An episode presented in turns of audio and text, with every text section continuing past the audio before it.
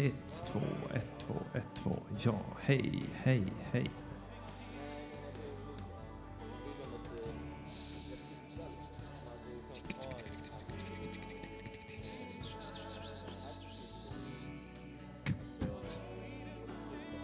Hej, hallå, hej, hej. 1, 2, 1, 2,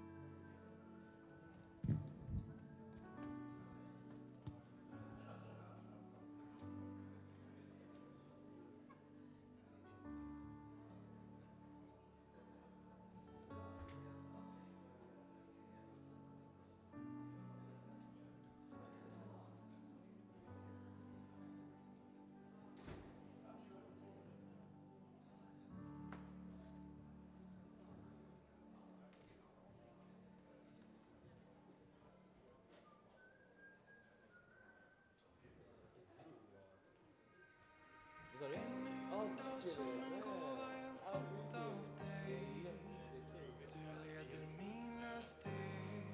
Alltså, jag, jag bara, jag bara gör någonting. Alltså, jag, jag gillar ju, ja, den här musiken. Jag gillar självutveckling. Så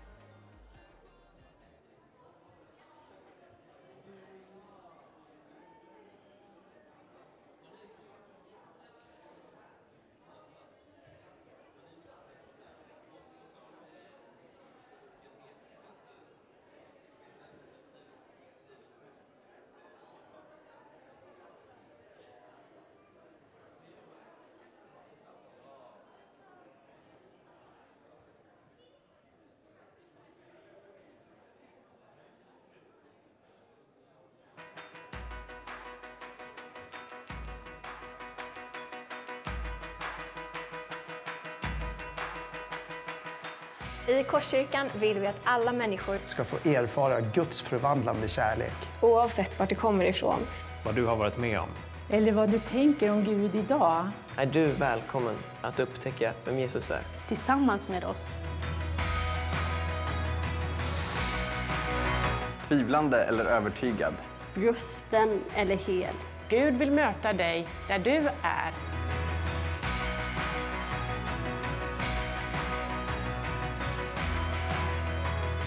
Så låt oss nu alla generationer tillsammans upptäcka hur Jesu död på korset befriar oss ifrån skuld och skam. Och hur hans uppståndelse öppnat dörren för ett liv i överflöd. Låt oss tillsammans lära känna den Gud som älskar oss med evig kärlek.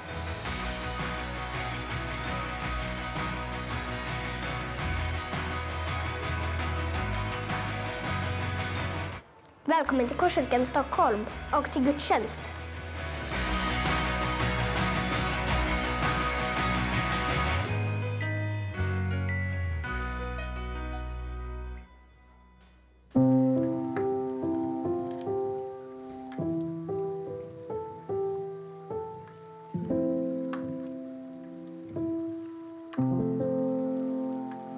Jag är gift med Josef och tillsammans har vi tre barn. Förra året skulle vår äldsta son gå in i lumpen, rycka in i lumpen. Och då började en process i mig av att liksom släppa taget om honom. Och jag fick många tankar kring det. Eh, mamma hjärtat sa liksom sådär, kommer han bli mätt om dagarna? Vad kommer hända? Kommer han kunna sova i skogen? Och sådär. Men istället för att bara bära de här tankarna själv så bad jag till Gud för William. Och då fick jag för mitt inre se en bild som var så här. Att jag hade en hand och William hade en hand och vi liksom släppte taget om varandra. Och det kunde kännas lite, ja, lite jobbigt. Men så var det som att jag, den här bilden zoomades ut och jag fick se att han och jag stod i Guds hand. Det gjorde mig väldigt trygg och tacksam att få släppa taget om honom. Eh, för att han vilar i Guds hand. Och nu har han flyttat hemifrån och då blir jag påmind om att han fortfarande är trygg där han är. Om att han är trygg i Guds hand.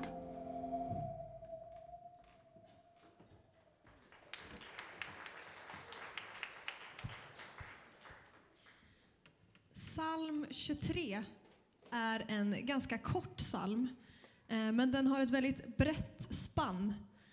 Det kan vara, den, den täcker dödsskuggans dal, om jag än vandrar i dödsskuggans dal.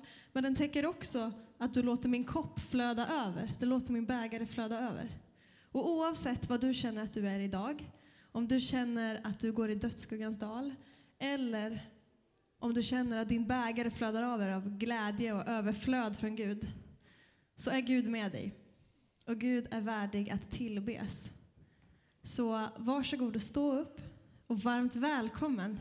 Så ska vi tillsammans få tillbe den här guden som, som täcker hela det här spannet av när det är tufft, när det är avsked kanske, eh, och när det är fantastiskt. Eh, jag heter Jenny och är en av lovsångsledarna här i församlingen. Tack Jesus för att du är med oss genom hela livet. Du är med oss i, i de här stora, eh, stora omställningarna som Elina pratade om. När det är, man behöver släppa taget om någonting Gud. Men du är också med oss när vi firar. Du är med oss när allt är fantastiskt. Tack för att du går bredvid oss och du leder oss när vi går igenom svårigheter. Och det är du som är vår glädje oavsett, Herre. Vi, vi välkomnar dig till den här gudstjänsten, Herre. Kom och möt oss var och en. Nu vill vi bara prisa dig och ära ditt namn, Herre. I Jesu namn. Amen.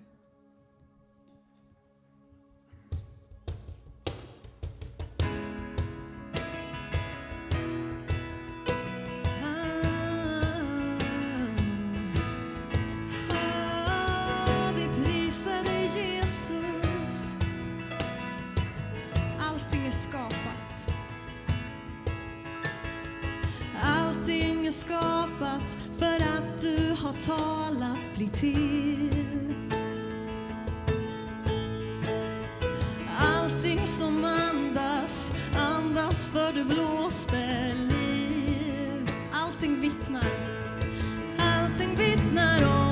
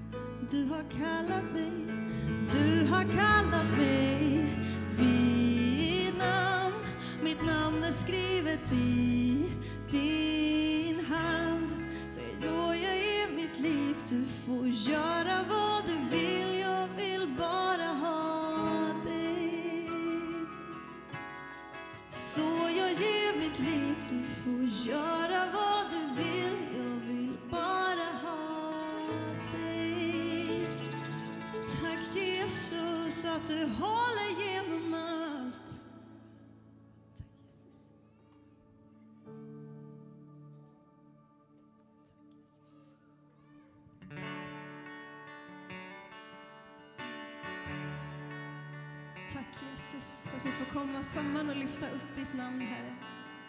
Tack för att vi kan jubla i dig, Herre, oavsett omständigheter, Gud. Tack, Herre.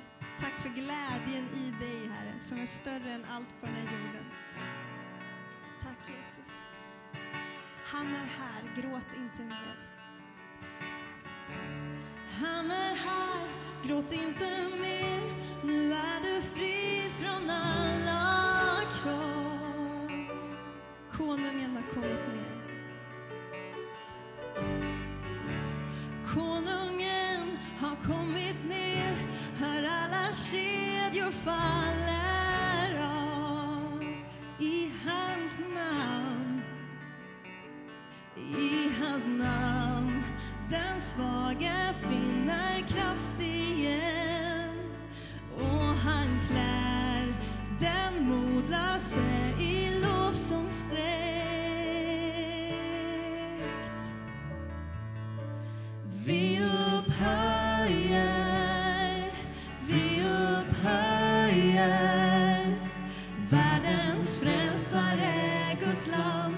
Du som dog och övervann Vi upphöjer, vi upphöjer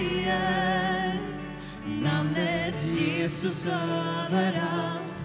Och konungen du är vårt jubelår.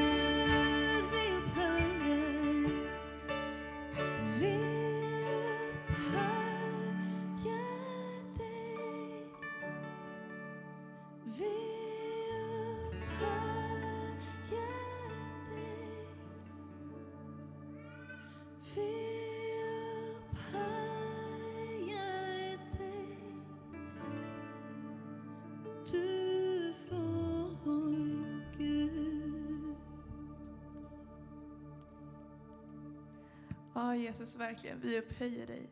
Gud, du är så stor. Gud, du är verkligen störst. Tack för att du är här.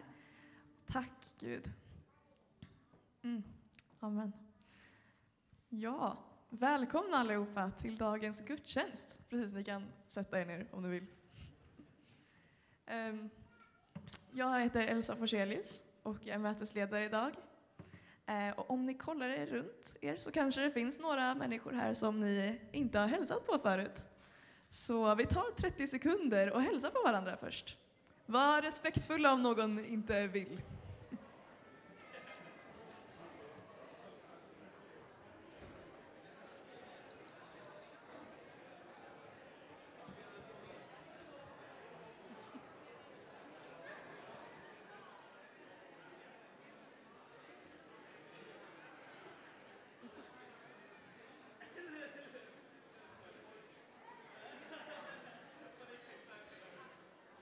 Yes.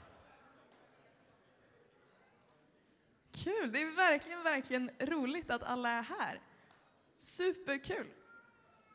Eh, jag tänker att vi börjar nu tillsammans allihopa och ber för undervisningen idag. Och sen så ska vi skicka iväg barnen till skattkistan och skattjakten. Yes. Precis Gud, tack för att du verkligen är här. Tack för att du ser varenda människa här inne. Tack för att du vill säga någonting till varenda människa här inne. Oavsett eh, vilka vi är. Oavsett om vi är, har varit här så många gånger eller om vi är här för första gången. Oavsett om vi är tre år eller om vi är eh, 56 år.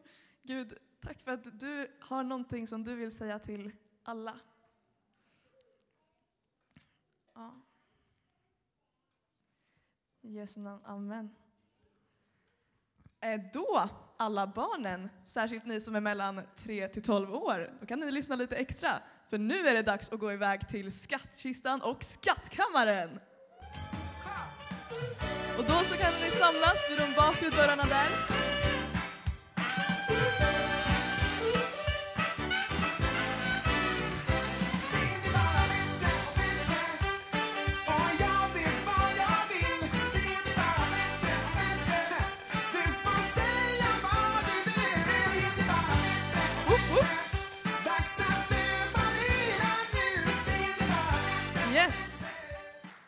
Och eh, till er föräldrar så kommer sen barnen tillbaka efter predikan så de är med i slutet också. Ja, och nu kommer det hända någonting väldigt spännande. Det är nämligen så att eh, vi kommer att få höra lite om våra missionärer. Så jag ska bjuda upp Anders Liljeblad som kan få berätta mer.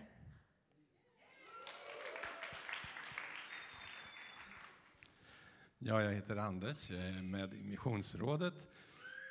Och nu ska vi få höra en eh, videohälsning från våra Aten-missionärer Hellmarks som har jobbat där några år.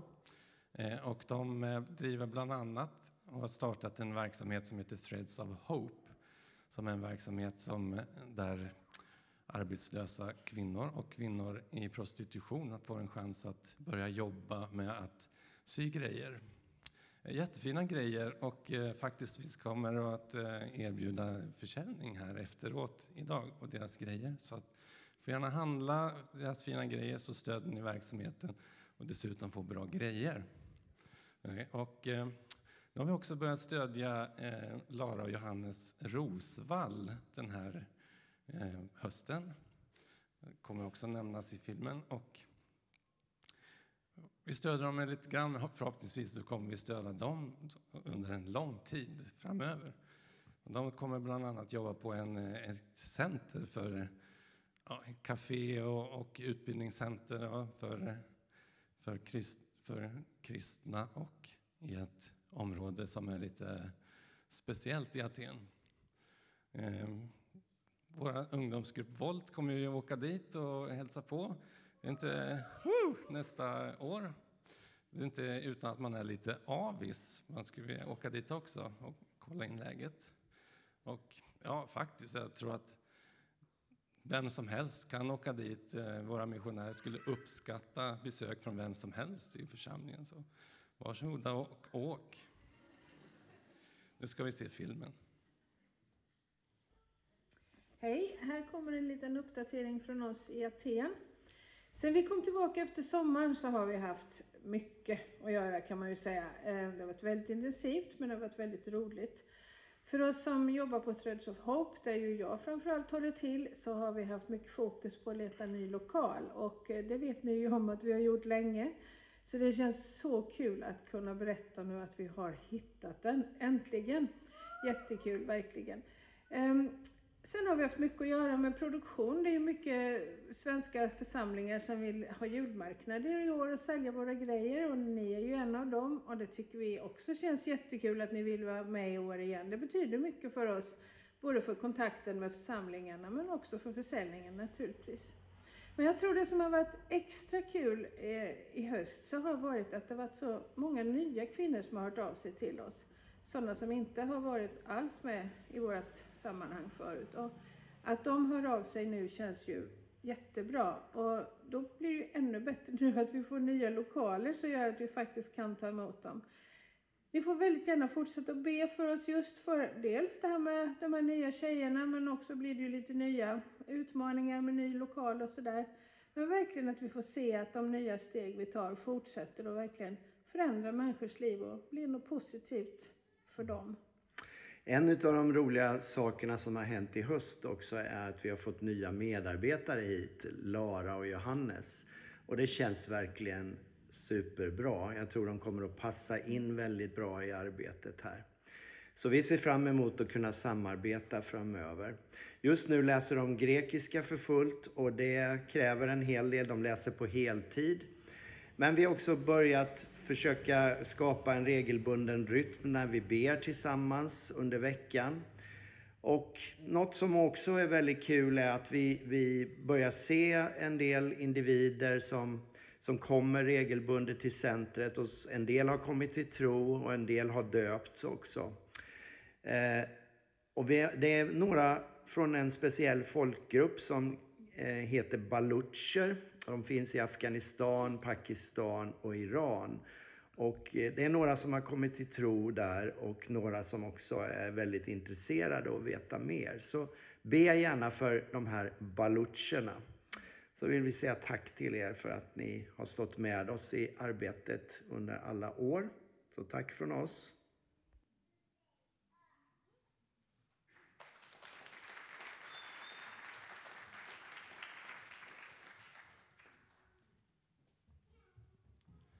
Ja, då har vi fått också några böneämnen från Hellmark som vi ska ta med. Se om de kommer upp.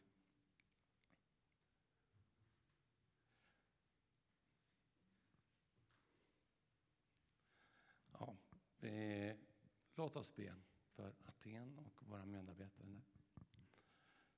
Tack Herre för eh, att du har kallat eh, Hellmarks och Rosvalls till Aten. Tack för det arbete som de gör där för dig och för folk där i Aten. Du vet vilka speciella grupper som de arbetar med där och som de vill nå med, ditt, eh, med budskapet om dig. Eh, jag ber att deras framgång, arbete ska vara framgångsrikt. Att, att människor nås av, ditt, av budskapet, Herre. Att de får ta emot dig i sina liv. Tack att eh, redan det här centret i Nya Koinonia får bära frukt, att människor redan har kommit till tro. Jag ber att du ska bevara dem, Herre, i sin tro. Jag ber att de ska också få bli vittnesbörd själva där de finns, Herre. Jag ber om beskydd också för eh, våra missionärer. Jag ber för Rosvalls också att de ska få bra stöd i framtiden. Eh, att de ska komma in bra i sitt arbete och att du är med dem, Herre. Jag ber i Jesu namn. Amen.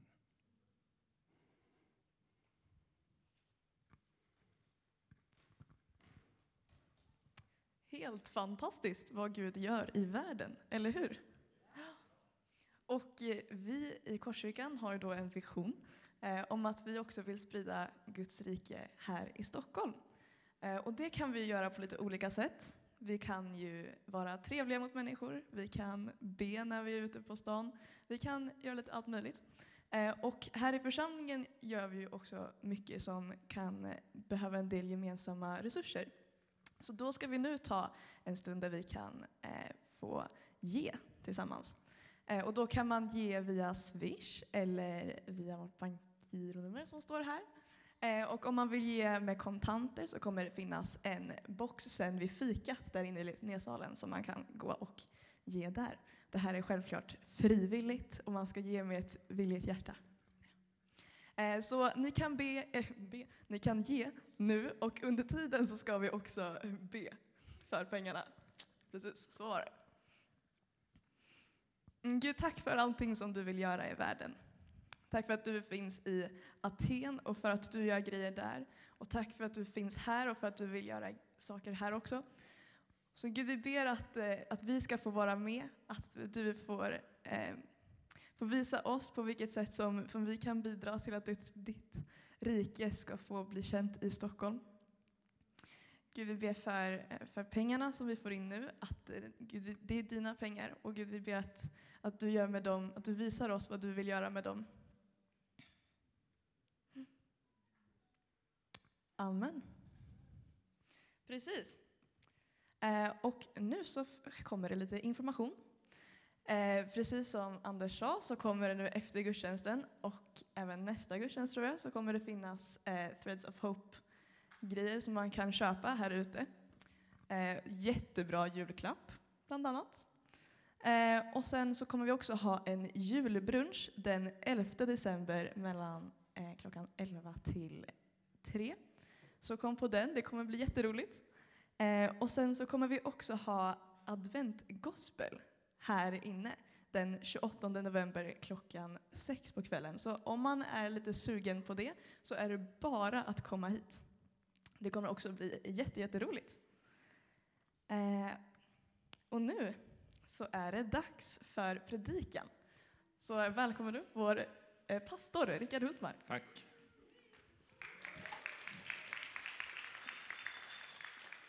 Det är tacksamt att få applåder före predikan i alla fall.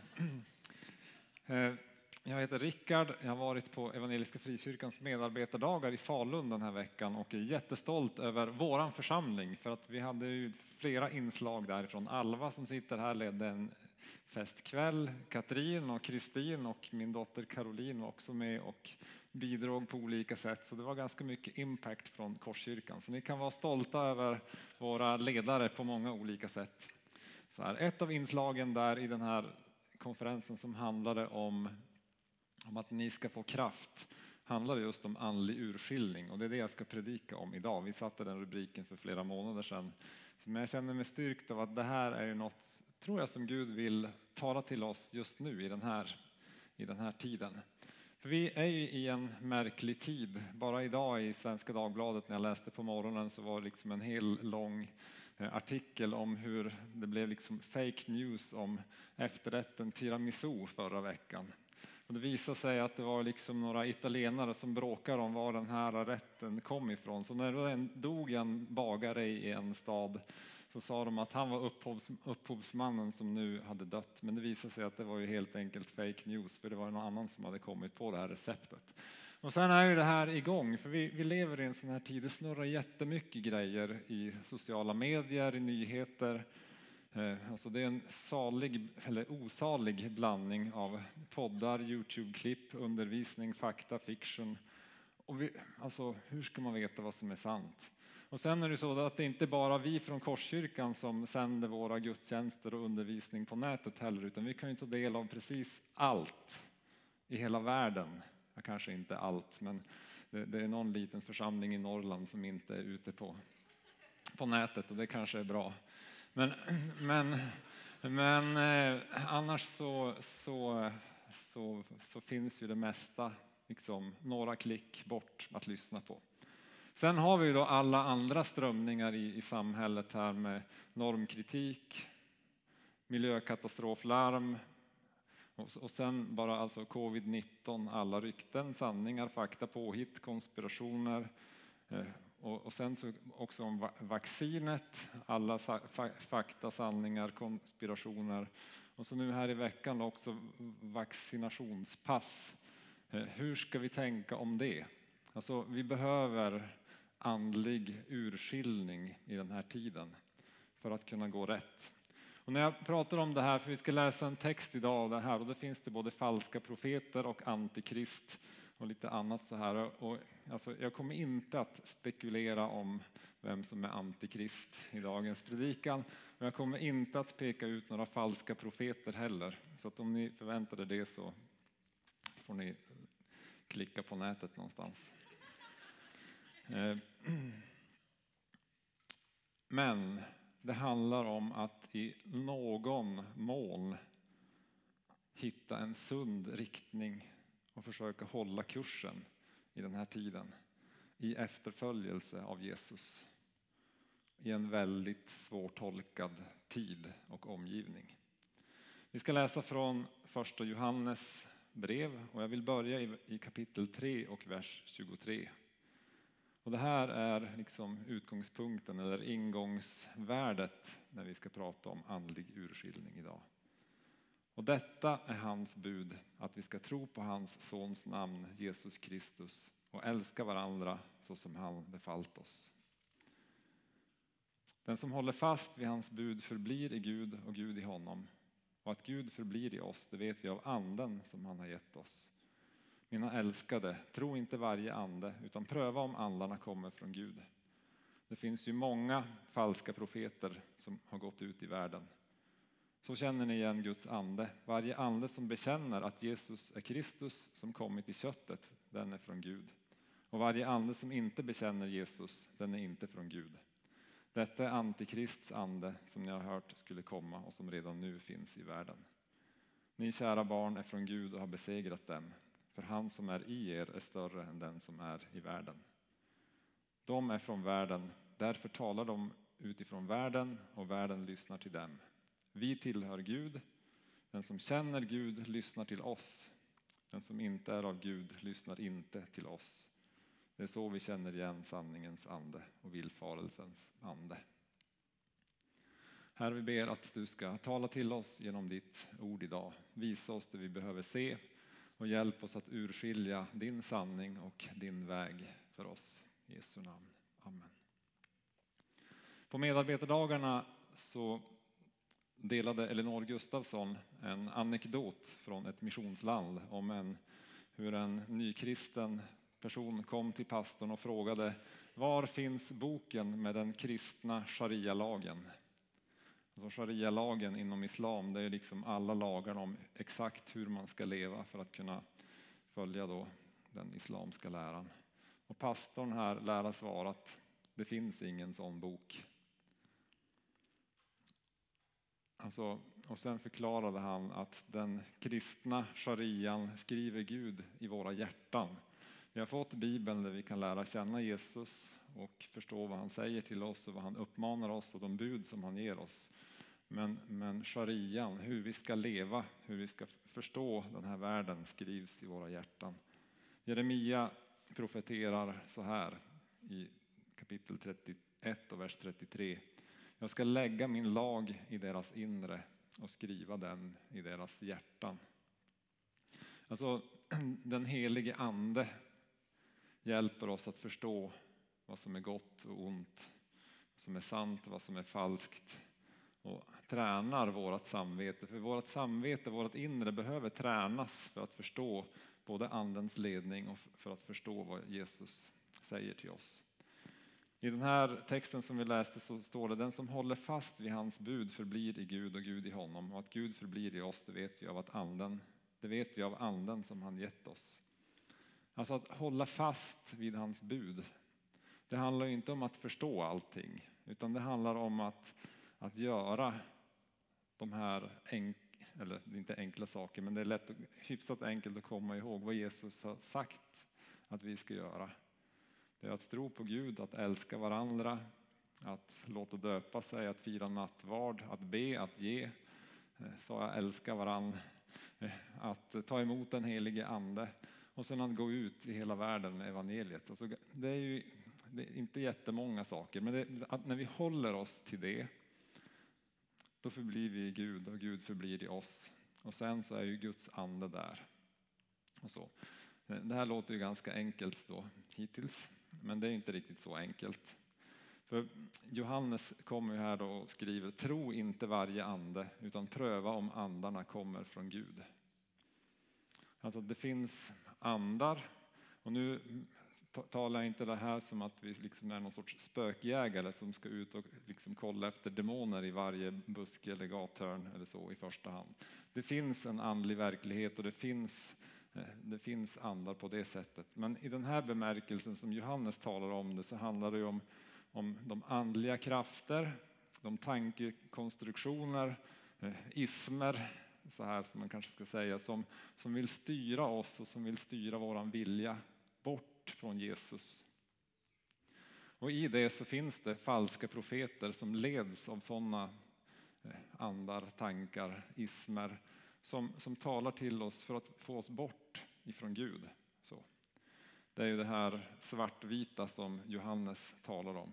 Och allt som, som har den alltså bakgrunden som inte börjar hos Jesus, alltså alla andliga strömmar, eh, alla politiska eh, tankegångar, alla glimrande andliga personer som inte leder oss in i en djupare kärlek till Jesus och till varandra vill ju dra oss bort ifrån det. Och då är det antikrists ande som Johannes pratar om här. Eh, det här är ju liksom grunden, det här svartvita. Och det är ju den, den liksom eh, urskiljning, nivå A, eller nivå 1, eller vad man ska säga.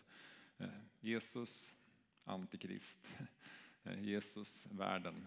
Liksom. Så, var kommer tankarna ifrån i grunden? Men, och, och eh, Johannes ger oss ju liksom ett prövnings, en prövningsmetod.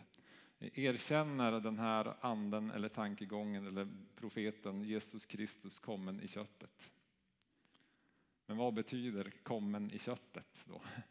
Det här kan man ju liksom, ja, är han i charkdisken? Eh, nej, det är inte det det betyder förstås, utan det handlar om att Jesus har blivit människa. Det här eh, sammanfattades ju några, några hundra år senare i det vi kallar den apostoliska trosbekännelsen. Och jag tänkte att vi ska läsa den tillsammans idag. För jag tror att det är viktigt liksom, i den här tiden för att vi förstår vad det här handlar om. Jag hoppas att vi ska få upp den på, på väggen här. Ja. Så nu får ni läsa med mig högt tillsammans. Vi tror på Gud Fader allsmäktig himmelens och jordens skapare. Vi tror och på Jesus Kristus, hans enfödde son, vår Herre, vilken är avlad av den helige Ande, född av jungfrun Maria, pinad under Pontius Pilatus, korsfäst, död och begraven, nederstigen till dödsriket, på tredje dagen uppstånden igen från de döda, uppstigen till himmelen, sittande på allsmäktig Gud Faders högra sida, därifrån igenkommande till att döma levande och döda. Vi tror och på den helige Ande, en helig allmännelig kyrka, de heligas samfund, syndernas förlåtelse, de dödas uppståndelse och ett evigt liv.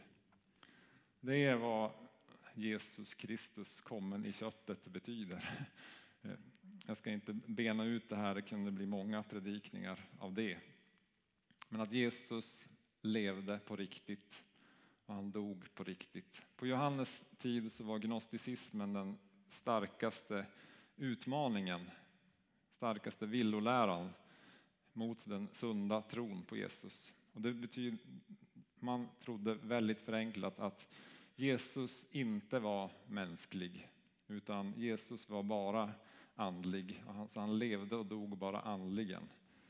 Så att Jesus var inte på riktigt. Och det är en, en heresi, en villfarelse även idag.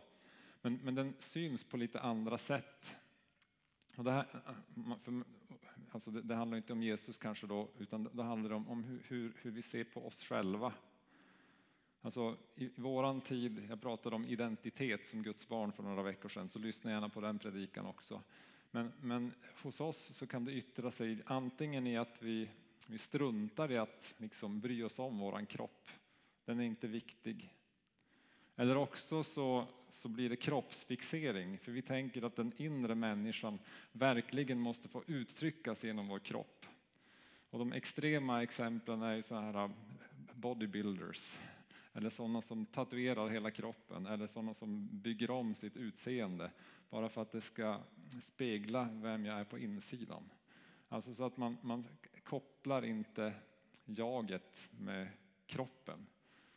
Så, det är ett, ett sätt som det yttrar sig på våran tid.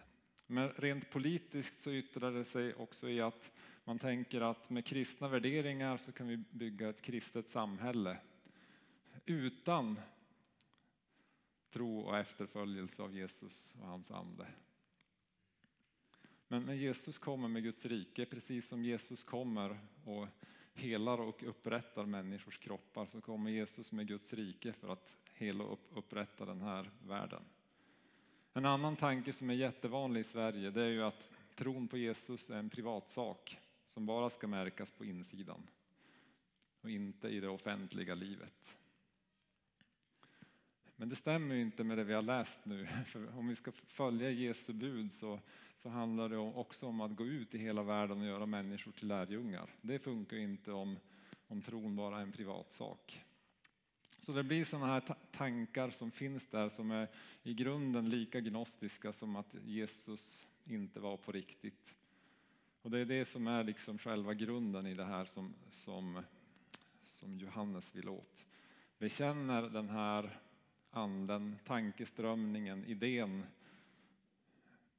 predikanten, profeten, Youtube-klippet eller vad det nu är jag lyssnar på. Bekänner den Jesus Kristus kommen i köttet eller inte? Om den inte gör det, då är det ju eh, antikrists ande som är verksam. Alltså, och det här är inget som ska skrämma oss jättemycket, för det här finns ju överallt. Alltså det är ju Svenska Dagbladet varje dag. Där på, varje gång du tittar på TV eller kollar på Youtube eller allting så finns ju det här. Det är vattnet vi simmar i på något sätt. Och det är därför som vi måste kunna lära oss att urskilja var tankarna kommer ifrån. När det handlar om vårt liv, vår tro, vår sexualitet, våra relationer och allt det. Kommer det här från Jesus eller har det en annan källa? Och det handlar om eh, att den som är i oss är större än den som är i världen, som Johannes skriver. Att vi ska vinna över de här tankarna. Vinna över tankarna som vill få oss att vilja att göra något annat än att följa Jesus och leva ut hans kärleksbud till varandra. Och vi vinner för att han som är i oss, alltså anden som är i oss, är större än den som är i världen. Och därför så behöver vi inte heller vara rädda för alla de här tankarna och katastroflarmen och allt det här som kommer. För att Jesus är större. Ljuset lyser i mörkret, sanningen vinner över lögnen, livet har besegrat döden och Jesus är segraren. Och med honom så är vi det också. Och då kan vi stå upp mot Antikrists ande.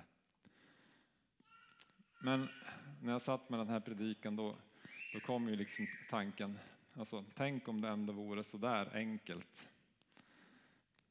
Alltså att allt bara var svartvitt. Alltså, det borde finnas liksom en så här, så här text på varje Youtube-klipp om, de, om man liksom tror på Jesus Kristus kommen i köttet eller inte. Eller eh, authorized by the apostolic creed. Så här. eh, nej, det, det är ju inte så.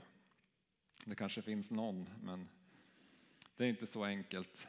Alltså, i, jag läste i eh, tidningen Dagen i fredags om hur kristna, det finns kristna församlingar i Europa som eh, försörjer sig på att sälja sina tonårsflickor på gatan. Alltså hur, hur får man det att gå ihop? Alltså man, man har en kristen bekännelse, man läser den bekännelsen som vi nyss läste, men sen så, så säljer man sina barn och tonåringar i prostitution. Ett annat exempel är från Sydafrika som, där de kristna höll slavar och försvarade apartheid, alltså ända in till slutet på 1900-talet, till kanske bara 20 år sedan ungefär. Ett exempel från Bibeln är ju när Petrus i Matteus 16 bekänner att Jesus är Messias. Då säger Jesus, ja men oj, det är Fadern som har uppenbarat det här för dig. Nu har du verkligen lyssnat in Gud. Och så får han värsta uppmuntran. För att i liksom nästa passage, när Jesus säger att ja, men jag är på väg mot Jerusalem för att lida och för att göra det Gud har kallat mig till, då motsäger Petrus Jesus. Och då säger Jesus till Petrus, gå bort från mig Satan, för dina tankar är inte Guds tankar utan människotankar.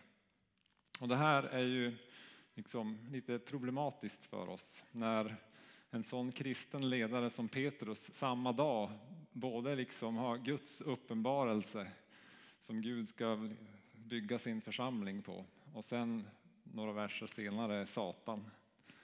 Så. Och då kan man ju börja fundera på sig själv så här. Eh. Ja, men jag tror att jag har Guds uppenbarelse. Men, men vad finns i mig som är Satan? Så. Vad finns i dig som är Guds uppenbarelse? Vad finns i dig som är Satan? Alltså om, det, om Petrus är där, eh, vad säger att jag inte är där? Så där. Och det är det här som, som gör att vi behöver också gå till urskiljning nivå B, eller vad man ska säga. För att vi behöver förstå eh, att det är inte så lätt med den här svartvita uppdelningen. Johannes skriver den som känner Gud lyssnar till oss. Den som inte är av Gud lyssnar inte till oss. Alltså här, oss, enligt eh, teologerna, det handlar om den apostoliska undervisningen. Alltså det är sammanfattat i den här trosbekännelsen som vi just läste. Alltså, håller vi oss där? Eller börjar vi undervisa något annat? Börjar vi tro något annat?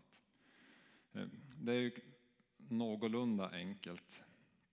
Men sen alla de här Youtube-klippen och eh, amerikanska och eh, indonesiska och afrikanska förkunnarna. Alltså vad, vad ska jag lyssna på? Vad ska jag lita på? Alltså jag säger inte att det är fel att lyssna på det, det gör jag också, men, men vi behöver förhålla oss till ett oss där också. Vissa är bra, vissa är inte bra, men hur ska jag veta vad som är vad? Och där, där behöver ju det här, alltså de här tankarna, de lärorna, de sakerna som kommer prövas mot oss i församlingen. Alltså för vi i församlingen, vi vill leva i en kärleksfull gemenskap. Leder de här tankarna till en djupare kärleksfull gemenskap eller till något annat? Oss i den bemärkelsen är ju inte jag, utan det är ju oss, alltså ett gemensamt ledarskap inför andra ledare i ett större sammanhang i Evangeliska Frikyrkan och New Wine och i den liksom evangeliska strömning som vi finns i. Det är också ett oss i den bemärkelsen in i vår kulturella kontext som ju inte är samma som i Indien eller i USA. Vi har lite andra andar eller demoner eller tankebyggnader att jobba emot i vår kontext. Och här i Stockholm, där jag predikat om tidigare, så är det individualism. Det är materialism och konsumism, alltså att konsumera och det är postmodern normkritik som är de, de stora grejerna. Och det spänner liksom över hela skalan politiskt från eh, höger, mitten till, till vänster. Eller så blir det från ert håll. Eh, eh så det, det, handlar inte om vilken politik som är rätt utan det handlar om, ja, men, är de här tankarna födda av Jesus? Talar det här in i våran kontext eller talar det till något annat? Och därför så är ju församlingen viktig. Alltså gemenskapen är viktig, hemgruppen är viktig, eh, gudstjänsterna är viktiga, det vi gör tillsammans är viktigt. För i den gemenskapen, i den kärlek, kärleksfulla gemenskapen så kan vi också pröva de tankar som, vi tar, som kommer. Vi kan pröva undervisningen och vi kan försöka se, ja men, passar det här in hos oss i den apostoliska strömning som vi står i?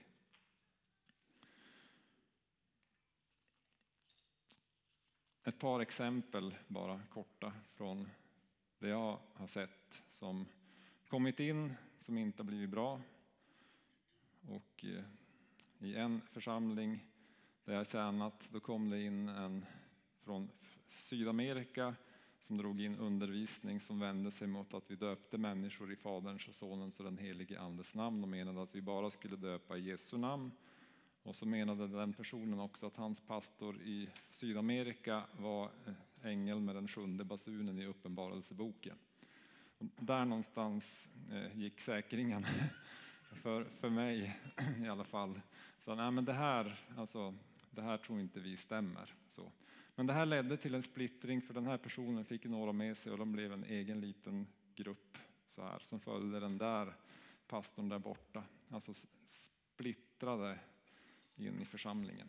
En annan var när några stycken kom och sa att vi har förstått att påven är antikrist och att då vi i församlingen var med i ekumeniska bönesamlingar där det också fanns katoliker med och att vi var med i ett samfund som var med i Sveriges kristna råd som var med Eh, satt vid samma bord som katolska företrädare gjorde att vi var smittade av antikrists ande och alltså kunde man inte vara med i vår församling. Det här gjorde också till att en grupp lämnade församlingen. En annan sån här tankegång som, som dök upp var att andens gåvor och tjänster har inte varit i bruk på riktigt sedan apostolisk tid, alltså sedan Johannes dog. Alltså. Det är också en sån lära som har hyfsat stor spridning. En annan sak är att, då att man kommer att kvinnligt ledarskap är inte baserat på Bibeln. Och ett eget exempel är när jag som 15-åring läste att Jesus skulle komma tillbaks 1985, plus minus 15 år. Eh, det skapade en väldig rädsla i mig. Så tänk om jag inte hinner bli vuxen. Och, så. och jag vet att alltså, Eh, det, ja, men det blev lite för överdrivet och spekulativt. Men, men sådana här saker leder människor bort från församlingen, leder människor bort från Gud. Och då behöver vi se, ja, men var, Alltså, var är källan i det här? Leder det här till att vi följer Jesus och håller hans bud? Leder det in i en kärleksfull gemenskap med andra i församlingen? Eller leder det oss någon annanstans? Och så. Och nu menar inte jag att vi är den mest renläriga församlingen här i världen, men jag hoppas att vi kan vara en kärleksfull församling där anden får verka och där anden är skriven i vårt bröst. Till avslutning så vill jag ge några ordpar som kan vara vägledande och de här har jag plockat från, från Magnus Malm. Jag tänker ta det bara väldigt snabbt. Det första ordparet är överdrift eller måttlighet. Alltså, om man hör undervisning om tusentals ärkeänglar, omåttlig rikedom eller extrema utläggningar av bibeltexten, då kanske man behöver börja fundera, är det här är det här rätt källa? Eller måttlighet? Det var en som sa att, vet ni varför det finns så många eh, vanliga människor? Det är för att Gud älskar vanliga människor och därför han har gjort så många av oss. Alltså, så det, det vanliga är inte dåligt. Annat ordpar, tvång eller frihet. Känns den här tanken, anden, tvingande på något sätt? Eller ger den mig frihet att älska Jesus och älska andra människor? Brist eller tacksamhet. Jag talade med till de som var på Unga vuxna-samlingen igår om det här. Att vi kan, alltså om vi leds av brist så leder det bort från Gud. Men om vi är tacksamma så leder det till Gud. Eh, om vi kan vara tacksamma även för det som inte är perfekt, för att det är gott. Tänk bara när, eh, om, du är förälder och, ditt barn har gjort en kaka på hemkunskapen och kommer, kommer hem med den, så kan du vara tacksam även om den inte är perfekt. Eller hur? Så, alltså det är så med tacksamhet, vi får vara tacksamma över det goda och inte bara se på bristen. Men det som kommunicerar brist kanske också är något som leder oss fel. Eh, splittring eller enhet har jag redan pratat om.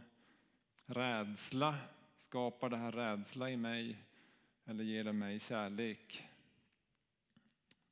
Hopplöshet, det är ett viktigt ord idag. Eller hopp. Skapar den här tanken hopplöshet eller hopp? Alltså hela den här miljökrisen och globala, om, om den globala uppvärmningen eh, ger väldigt mycket hopplöshet. Jag menar inte att det inte är allvarligt, men eh, Jesus vill ge oss hopp i en allvarlig tid. Jag vill avsluta med ett citat här då just från Magnus Malm om hoppet, för det här tycker jag var fint skrivet. Hoppet utgår från den tomma graven.